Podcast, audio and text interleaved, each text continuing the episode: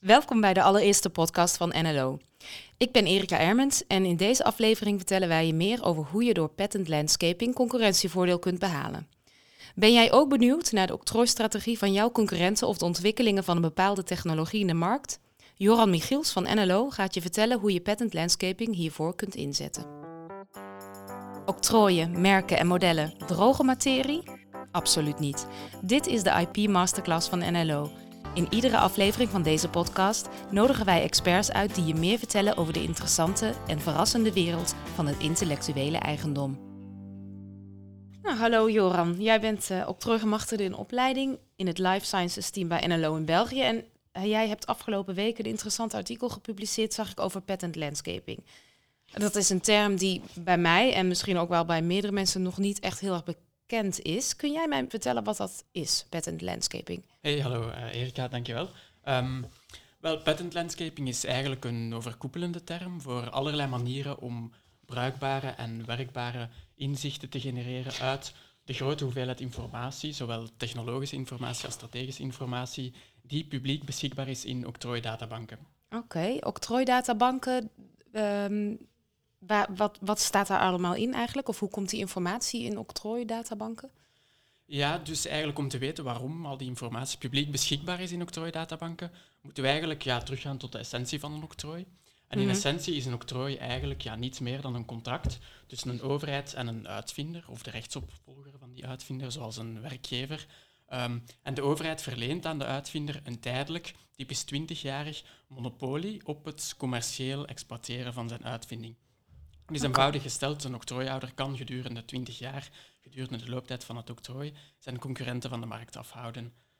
Um, nu, die, dat monopolie komt eigenlijk wel voor een prijs. En die prijs is dat de octrooihouder ook zijn uh, uitvinding publiek beschikbaar zal maken. En de vereiste is daarbij dat die openbaarmaking nawerkbaar is, zoals we dat noemen. Mm Dat betekent dat een deskundige in het betreffende domein op basis van die beschrijving van de uitvinding die uitvinding ook volledig kan reproduceren.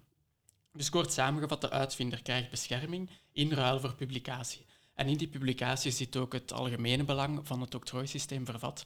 Dus de nieuwe technische kennis wordt niet geheim gehouden, maar komt in het publiek domein beschikbaar in zo'n octrooidatabase. En vormt ah. daarmee eigenlijk ja, de basis voor verdere innovatie. Ah, oké. Dus eigenlijk uh, het patent landscaping is dan het stukje uh, informatie onttrekken eigenlijk uit die uh, octrooidatabanken, zoals je net beschrijft. Ja, klopt helemaal. Dus de data is er eigenlijk, maar de informatie is er daarom niet altijd. En mhm. patent landscaping probeert de informatie uit de data zichtbaar te maken. Ja, oké. ja. Um, dan is het natuurlijk wel heel erg belangrijk dat die informatie ook makkelijk be beschikbaar is, lijkt me. Uh, ja, zeker en vast. Ja. Um, we moeten trouwens beseffen dat het aantal octrooidocumenten dat beschikbaar is in die databases mhm. jaar na jaar exponentieel blijft toenemen. Okay. Ik heb een paar cijfers verzameld. In 2018 bijvoorbeeld zijn mm bij het Europees Octrooibureau meer dan 174.000 octrooiaanvragen ingediend. Dat is het hoogste aantal ooit trouwens. En die komen allemaal uh, uiteindelijk uh, publiekelijk beschikbaar? Ja, inderdaad. Typisch na een periode van 18 maanden zal mhm. een octrooiaanvraag uh, publiek beschikbaar worden. Okay. Dat aantal Europese octrooiaanvragen is ook nog maar het topje van de ijsberg. Mhm. Wereldwijd bedroeg het totaal aantal octrooiaanvragen in 2018 maar liefst 3,3 miljoen. Oh, oké. Ehm, ja, uiteraard, om uit zo'n hoeveelheid documenten uh, informatie te halen, zijn databases, zijn goede zoeksoftware nodig. Enerzijds zijn er de octrooiinstanties zelf, het Europees Octrooibureau, het Amerikaans Octrooibureau, het Wereldbureau voor Intellectuele Eigendom, die dergelijke databases onderhouden en ook mhm. mogelijkheden voorzien om daarin te zoeken. Maar er zijn ook een aantal uh, commerciële bedrijven, commerciële aanbieders, die zich eigenlijk toeleggen op octrooidata en manieren om octrooidata te analyseren. En eigenlijk gewoon al het feit dat er heel wat commerciële bedrijven hun verdienmodel baseren op die octrooidata, toont nog maar eens aan dat dat echt wel een waardevolle bron van informatie is. Oké, nee, helder. En, um, maar hoe, hoe komt het eigenlijk dat uh, patent landscaping nog zo relatief onbekend is? terwijl het lijkt mij vrij logisch uh, dat een bedrijf octrooidatabanken uh, bekijkt als zij hun uitvindingen ja, willen gaan vastleggen. Ja, um, ik en toch is het een vrij nieuw fenomeen, toch? Dat, uh, dat is wat ik begrepen heb. Het, het is zeker nog onbekend bij, mhm. bij veel mensen, bij veel bedrijven. Um, en dat is voor een groot stuk onwetendheid.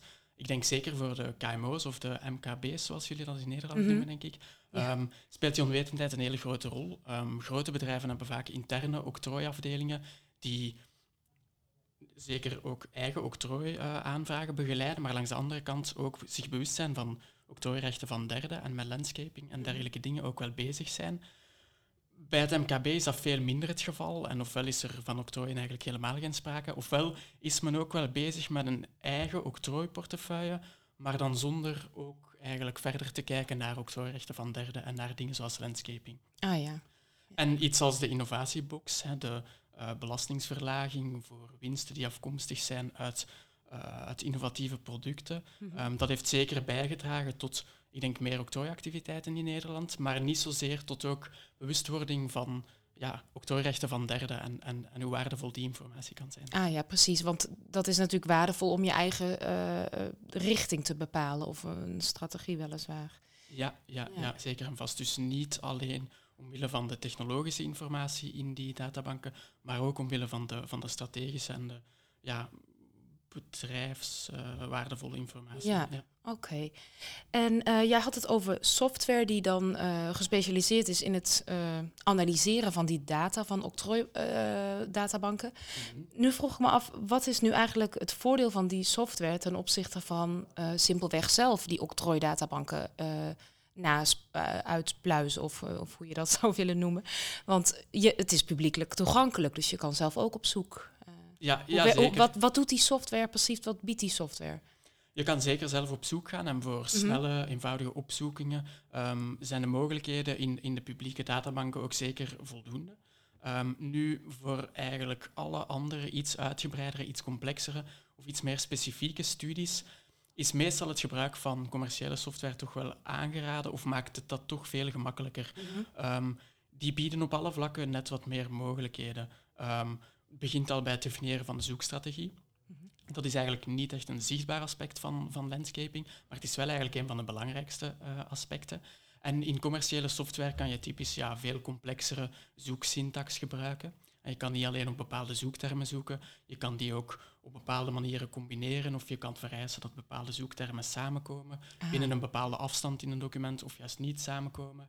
En, en zo mogelijkheden zijn er veel meer in, in commerciële software. De uiteindelijke dataset zal je op veel meer mogelijke parameters kunnen filteren. Mhm. Ehm, en er zullen ook veel meer mogelijkheden zijn om die dataset uiteindelijk inzichtelijk te maken en om daar bijvoorbeeld allerlei figuren, grafieken, kaartjes eh, enzovoort uit te genereren. Ja, oké. Ja, want dat is ook inderdaad een van de vragen die ik heb. Ehm, hoe wordt eh, ehm, de informatie, de, de landscape, om het zo maar te noemen, gepresenteerd? Komt dat in een eh, rapport? Of is het juist heel erg visueel? Of hangt dat heel erg af van de wensen van het, eh, van het bedrijf, van de klant?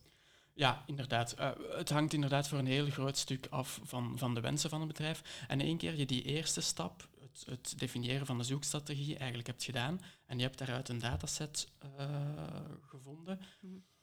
vanaf dan zijn de mogelijkheden eigenlijk bijna eindeloos. En ja, je kan eenvoudige, maar visueel aantrekkelijke plaatjes genereren. Je kan ook eh, ruwe datasets genereren die, die, die opnieuw geanalyseerd kunnen worden.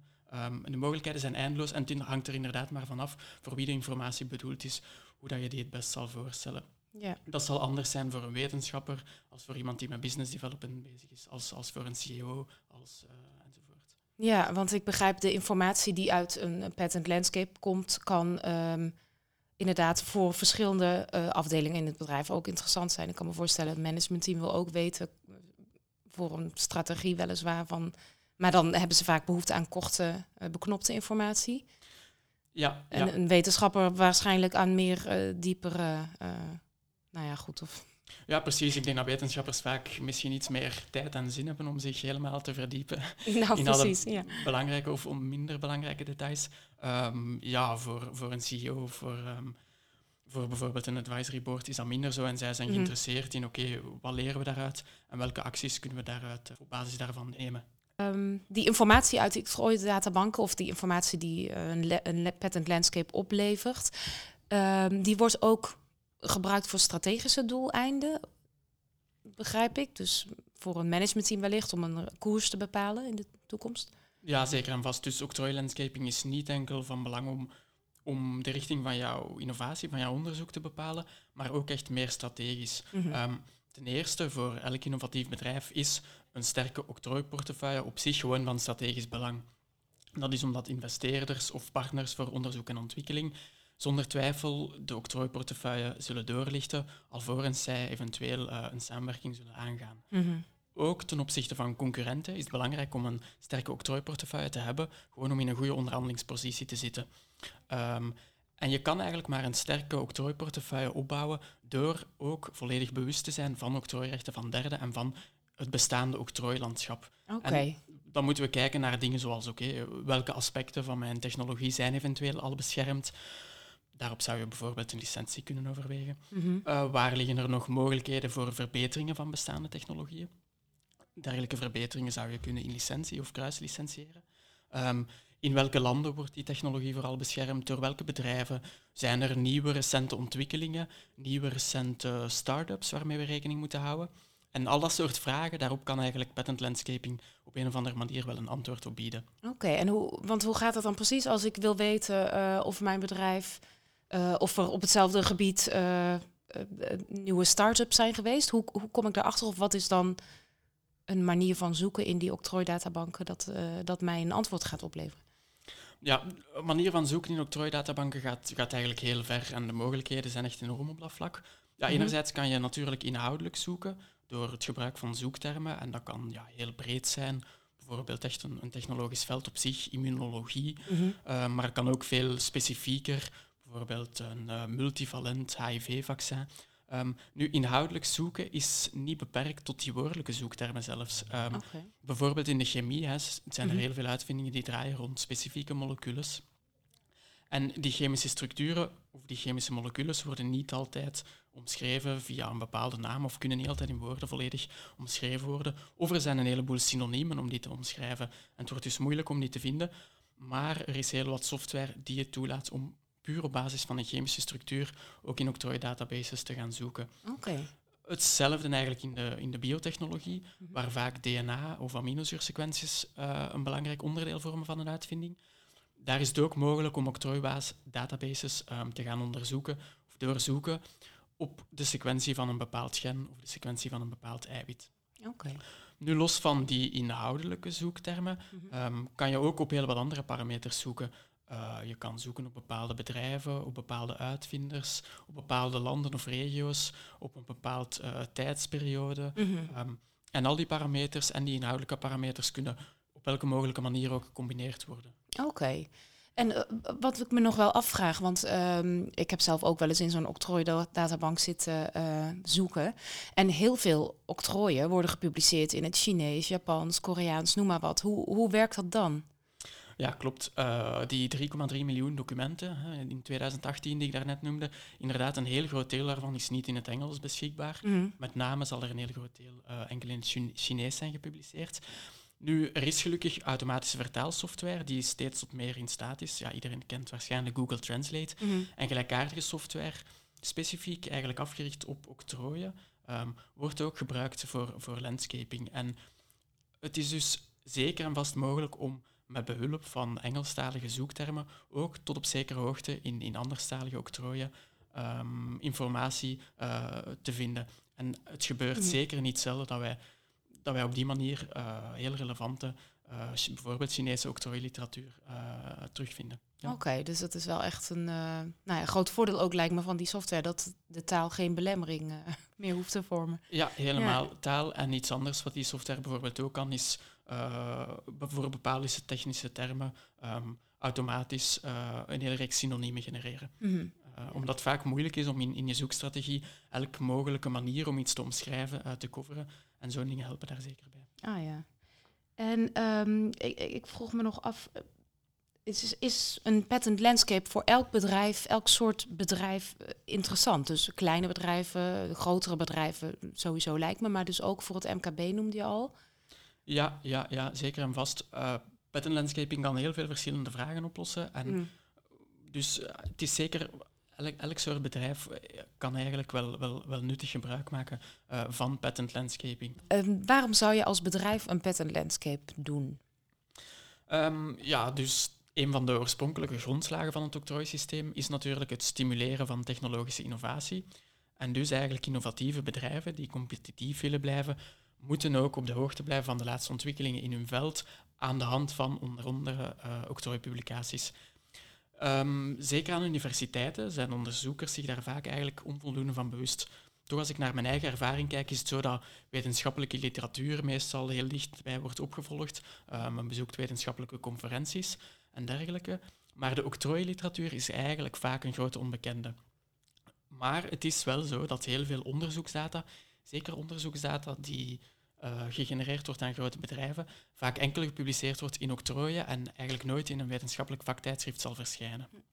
Dus dat is dan eigenlijk echt een soort blinde vlek als je dat niet uh, ja, erbij pakt. Ja, ja, ja. precies. En in dat verband heeft het Europees Octrooibureau ooit geschat dat tot wel 30% van de budgetten die aan onderzoek en innovatie besteed worden, -hmm. eigenlijk dubbelop zijn. Dus eigenlijk okay. uh, gaan naar onderzoek dat al eerder is uitgevoerd. Ja. Zijn er eigenlijk, want je hebt het over uh, strategische beslissingen die gebaseerd worden op, over, uh, op patent landscapes. Um, heb je daar een voorbeeld van? Wat voor soort beslissingen kunnen uh, gebaseerd worden op de informatie die uit die patent landscape komt? Um, ja, een, een, een, voorbeeld van zo'n beslissing, die, die in ieder geval vaak genomen moet worden, um, is, is de keuze in welke landen een bedrijf bescherming wilt. Mm -hmm. Typisch zal een bedrijf een nieuwe uitvinding oorspronkelijk uh, gaan beschrijven in een internationale octrooiaanvraag. En na een bepaalde periode moet dan de beslissing worden genomen in welke landen die octrooiaanvraag wordt verder gezet. Mm -hmm. Dus in welke landen de uitvinding beschermd wordt. Nu, dat is een, eigenlijk een sleutelbeslissing in het hele octrooitraject, want die beslissing is onherroepelijk. Het is niet mogelijk om op een later tijdstip nog bijkomende landen aan die geografische beschermingsomvang toe te voegen. Ah, ja. Langs de andere kant is het natuurlijk voor een bedrijf ook niet interessant om onnodige kosten te maken, mm -hmm. door bescherming na te gaan jagen in landen waar daar eigenlijk geen enkele reden toe is. Mm -hmm.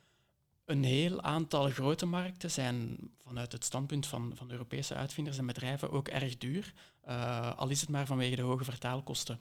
En landen als China, Japan, Korea, Rusland, Brazilië, Mexico, vaak heel interessante grote markten, maar heel duur vanwege uh, de noodzaak van vertalingen, de noodzaak om te werken met lokale agenten enzovoort. En het zou dus goed zijn om zo'n cruciale beslissing eigenlijk geïnformeerd te nemen in de realiteit zien we eigenlijk dat dat meestal een beslissing is die men zonder informatie, die men eigenlijk blind en een beetje met de natte vinger neemt. Mm -hmm. nochtans zou patent landscaping daar wel een toevoeging kunnen bieden, al is het maar om te gaan kijken, oké, welke strategieën volgen onze concurrenten? Welke ah, ja. landen uh, dienen onze concurrenten octrooiaanvragen in? Uh, het heeft waarschijnlijk weinig zin om een octrooiaanvraag te gaan indienen in landen waar geen enkele van jouw concurrenten actief is. Mm -hmm. En het is misschien wel interessant om uh, in de landen waar jouw concurrenten actief zijn ook te gaan indienen, al is het maar om, om jouw positie in die landen ten opzichte van uh, jouw concurrenten niet te verzwakken. Ja, precies. Dus hoe meer informatie inderdaad over die uh, landen, of, of eigenlijk over de octrooi in die landen, hoe, hoe waardevoller. Ja, ja zeker. En um, zijn er eigenlijk ook verschillende patent landscape opties in de zin van zijn er categorieën of is gewoon de, de sky is the limit aan mogelijkheden? Of zijn er ja, categorieën patent landscapes? Uh, ik zou zeggen, de sky is the limit. En er zijn mm. categorieën, maar misschien wel te veel om op te noemen. Okay. Um, ja, landscaping is een heel brede term. Ja. En eigenlijk elke manier waarop octrooidata geanalyseerd wordt, kan eronder vallen. Dus ah. ja, heel erg breed. Precies, oké. Okay. Nou, dank je voor je uitleg uh, tot nu toe. Um, mocht dit allemaal te snel gaan, dan alle informatie over landscaping is ook terug te vinden op onze website www.nlo.eu. Joran, in je artikel gaat het over de casus van CRISPR-Cas. Wat is CRISPR-Cas? Spreek ik het goed uit eigenlijk? Ja, ja, uitstekend. het is een ingewikkelde, ingewikkelde afkorting. Waar staat hij voor? CRISPR staat eigenlijk voor Clustered Regularly Interspaced Short Palindromic Repeats. Aha. Dat is eigenlijk gewoon een soort merkwaardige DNA-code die voorkomt in bacteriën. Mm -hmm. Die CRISPR's zijn korte stukjes DNA die zich steeds opnieuw identiek herhalen en die onderbroken zijn, interspaced, door stukjes spacer-DNA, die telkens verschillend zijn. Het is in de jaren 80 dat ze die merkwaardige sequenties eigenlijk voor het eerst hebben waargenomen en beschreven, maar op dat moment had men eigenlijk nog geen enkel idee van wat die stukjes DNA doen of wat voor functie die hebben.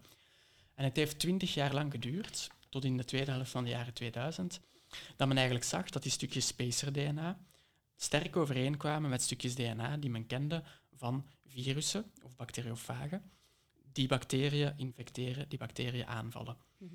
Ondertussen had men ook gevonden dat in de buurt van die CRISPR-DNA-code uh, bepaalde eiwitten gecodeerd lagen, de CRISPR-associated of Cas-eiwitten. Ehm, en samen vormt dat eigenlijk een soort uh, primitief, adaptief immuunsysteem in bacteriën. Um, de CRISPR-spacers vormen eigenlijk als het ware een herinnering aan eerdere virusinfecties. Mhm. En als nu datzelfde virus opnieuw die bacterie gaat infecteren, zal die virus dat stukje DNA herkennen en zullen die Cas-eiwitten, geholpen door het DNA uit, dat, uh, uit die spacer, eigenlijk onmiddellijk dat virus-DNA zullen kunnen aanvallen en kapotknippen en zo de infectie eigenlijk verhinderen. Oké. Dat klinkt uh, ingewikkeld ja, in, Mijn, in mijn oren. En, en, en uh, waarom uh, heb jij het in, in je artikel over CRISPR-Cas? Dat hebben we misschien nog even niet. Nee, dus eigenlijk gezet. de grote doorbraak van CRISPR-Cas is eigenlijk kort daarna gekomen. Mm. Wanneer eigenlijk verschillende onderzoeksgroepen, verschillende wetenschappers zich realiseerden, eigenlijk kunnen we dit natuurlijke systeem gaan hijacken, gaan, gaan kapen, om tot ons eigen voordeel te gebruiken.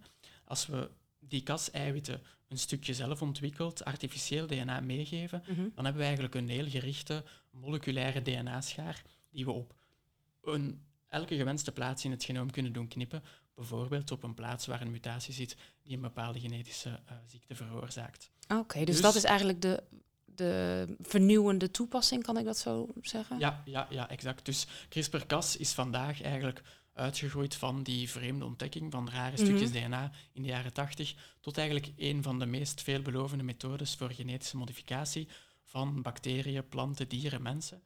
Um, en vandaag zijn reeds de eerste klinische studies op mensen voor het gebruik van CRISPR-Cas voor de genezing van een heel aantal genetische ziektes uh, lopende. Oké, dus er zijn ook op dit moment waarschijnlijk al uh, een aantal octrooien op dat gebied. Ja, ja of, of, is een aantal een uh, kleine onderschatting? een aantal is, is, is uh, zwak uitgedrukt, okay. inderdaad. Ja, um, het aantal, uh, of, of het interessante is eigenlijk ook dat we, zelfs al kijken we maar naar een eenvoudige parameter, zoals het aantal octrooiaanvragen in de tijd, mm -hmm. dat we daar al eigenlijk heel interessante informatie uit kunnen halen. Um, en de wetenschappelijke ontwikkelingen, zoals ik die juist snel schetste, die zien we eigenlijk ook terug in de evolutie van het octrooilandschap, of laten we zeggen het aantal octrooiaanvragen in de tijd. Um, een van de basisvereisten van een octrooi is dat het een praktisch toepasbaar nut heeft. Dus een zuivere wetenschappelijke ontdekking die kan je eigenlijk niet octrooieren. Mm En dus hoewel CRISPR al in de jaren 80 ontdekt werd, maar had nog geen enkele toepassing. Um, en er zijn dan ook geen octrooiaanvragen uit die tijd gericht op CRISPR-Cas. Mm. Zodra wetenschappers ontdekten dat het functioneert als een soort immuunsysteem in bacteriën, zien we de eerste octrooiaanvragen komen zijn typisch vaak voedingsbedrijven en die beschermen dan bijvoorbeeld het gebruik van CRISPR-Cas om bacteriën die men gebruikt voor bepaalde fermentaties in, in voedingstechnologie, om die bacteriën immuun te maken tegen infecties van bepaalde veel voorkomende uh, virussen. Um, nog iets later, uh, wanneer CRISPR-Cas opkwam als techniek voor genetische modificatie, zien we ook de eerste octrooien um, die heel breed het basisgebruik van CRISPR-Cas proberen te beschermen voor genetische modificatie. En het zijn die vroege octrooien, die pioniersoctrooien, zeg maar, mm -hmm. uh, waarvoor nu aan het Amerikaans octrooibureau, agentschap en het uh, Europees octrooibureau uh, ja, echte octrooioorlogen worden uitgevochten over wie nu precies recht heeft op, op welk aspect van de. Oh, Oké. En um, voor CRISPR-Cas heb je uh, heb je het octrooilandschap in kaart gebracht, begrijp ik. Klopt dat? Dus daar is een patent landscape voor uitgevoerd. Daarom heb je het ook over CRISPR-Cas in je artikel, toch? Ja, inderdaad. Dus we hebben het aangehaald als eenvoudige case-studie om een mhm. aantal uh, aspecten te belichten die we via um, octrooilandscaping kunnen, kunnen bekijken.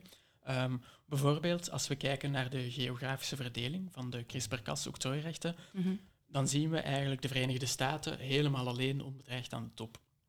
Um, het moment dat ik de studie gedaan heb, waren er in de Verenigde Staten eigenlijk meer octrooien verleend op de CRISPR-Cas-technologie dan in China, Europa en Australië samen, de oh. drie dichtste achtervolgers. Hm.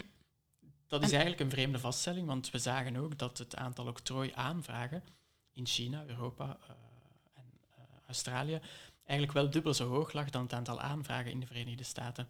En hoe kan dat dan? Ja, inderdaad. Dus Een andere parameter die we ook uit uh, octrooidatabases kunnen halen is hoe lang duurt het eigenlijk voor een octrooi verleend wordt. Dus hoeveel tijd zit er tussen de aanvraag van een octrooi en de verlening van een octrooi.